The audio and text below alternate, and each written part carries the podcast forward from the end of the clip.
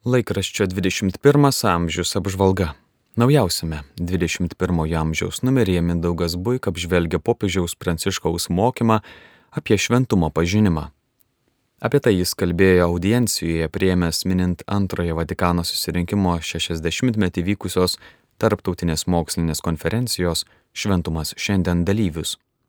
Kaip vieną iš šventumo liudyjimo pavyzdžių galima paminėti jo spalio 9-ąją kanonizuotą italų kilmės Argentinos aleziečių vienuolijos broli, Nari Artemida Dzatė, kurio bylą tyriant šventasis tėvas betarpiškai dalyvavo dar būdamas tos šalies sostinės Buenos Airių arkivyskupu. Šventumo kelių brolis Artemidas Dzatis, buvęs vaistininkas, ėjo 40 metų, atlikdamas krikščionišką tarnystę Argentinos centrinėje Patagonijos provincijoje rūpestingai ir nuolankiai gydydamas bei slaugydamas vargšus, suteikdamas jiems visą įmanomą ne tik medicininę, bet ir socialinę pagalbą.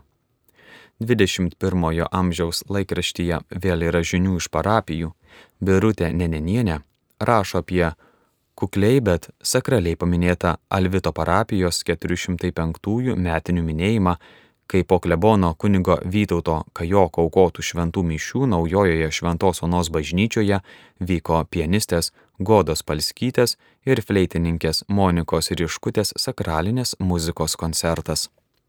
Ruta Verkienė pasakoja apie Marcinkonys vykusius šventų apaštalų Simono ir Judo Tado titulinius atlaidus, po kurių bažnyčios papėdėje pašventintas kryždirbio Algio svernelio padarytas kaimo simbolis, net 16 m aukščio kryžius su dviem kryžmomis ir kryžiaus kamienė nudažyta trispalve. Seniau statytus kryžius jau kelis kart nulaužė vėjas. 21 amžius prisimena prieš metus mirusi poetą Robertą Keturakį ir jo paminėjimą šventomis mišiomis Kauno Kristaus prisikelimo bazilikoje bei jos konferencijų salėje. Laikraščio priede abipus Nemuno rasime kelis tekstus apie vėlinių žygius už išėjusiuosius. Vienas jų surinktas Šunskuose, jo dalyviams teko nueiti ne tik lauko keliukais ar bekelę. Žygį surengė Šunskų kultūros centro renginių organizatorė Eglė Alenskaitė, o vedė Marijampolės Rygiškių Jono gimnazijos gimnazistas Titas Mackevičius. Žygis pradėtas Šunskų kapinėse, paskui aplankytos seniai užmirštos protėvių kapavietės. Tai buvo sąmoningas keliavimas už amžinybėje esančius senuosius krašto gyventojus, pažįstamus kaimynus. Apie tai rašo Birutė Nenenienė. Kita žygį Uždeg žvakutę Zanavikijos krašto partizanams aprašo Lina Poškevičiūtė. Birutė Nenenienė dar rašo apie tai, kad po Šunskų bažnyčioje klebono kanauninko Deimanto brogio aukotų šventųjų mišių, jų dalyviai susitiko prie kelio vedančio į Tursučius, kur klebonas pašventino naują paminklą čia gimusiam dailininkui Vytautui Ciplijauskui atminti. Visai tuščių laukų platybėje tik menama čia gyvenusios gausios Ciplijauskų šeimos dvasia. Tėvai Vaclavas ir Ona ūkininkavo beveik pusšimčio hektarų ūkyje. Vaclavas mirė 1928 metais, tesulaukęs 43 metų, palikdamas našlę žmoną su devyniais mažais vaikais. Motinai dievulis skiria misiją gyventi dar pusšimtį metų, kad iš, išmokslintų ir išleistų gyvenimą visus vaikus, bei oriai neštų jai skirto gyvenimo kryžiaus naštą. Jau seniai sodybos vietoje nelikė nei medžio, nei akmens.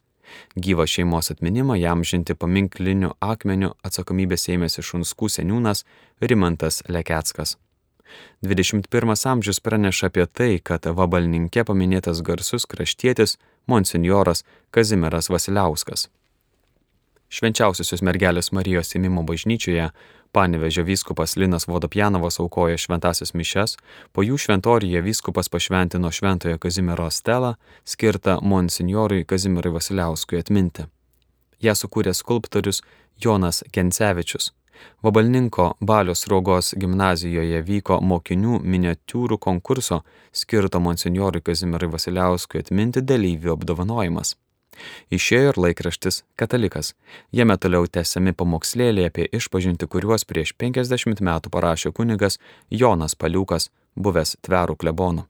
Šį kartą jis svarsto, ar reikia pasakyti nuodėmių skaičių. Dažnai einantieji išpažinties visai nesako arba blogai nusako išpažįstamų nuodėmių skaičių. o iš tiesų reikia jį pasakyti ir kiek be galima tiksliau.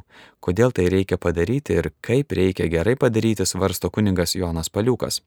Kad nemanytume, jog pasakius nuodėmės ir jų skaičių jau viskas pasakoma ir nieko daugiau nebereikia pridėti, kuningas kalba ir apie būtinybę sakyti išpažintyje nuodėmės rūšį ar jos padarimo aplinkybės.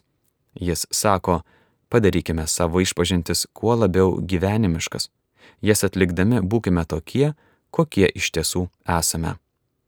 Apžvalga parengė 21 amžiaus laikraščio redakcija.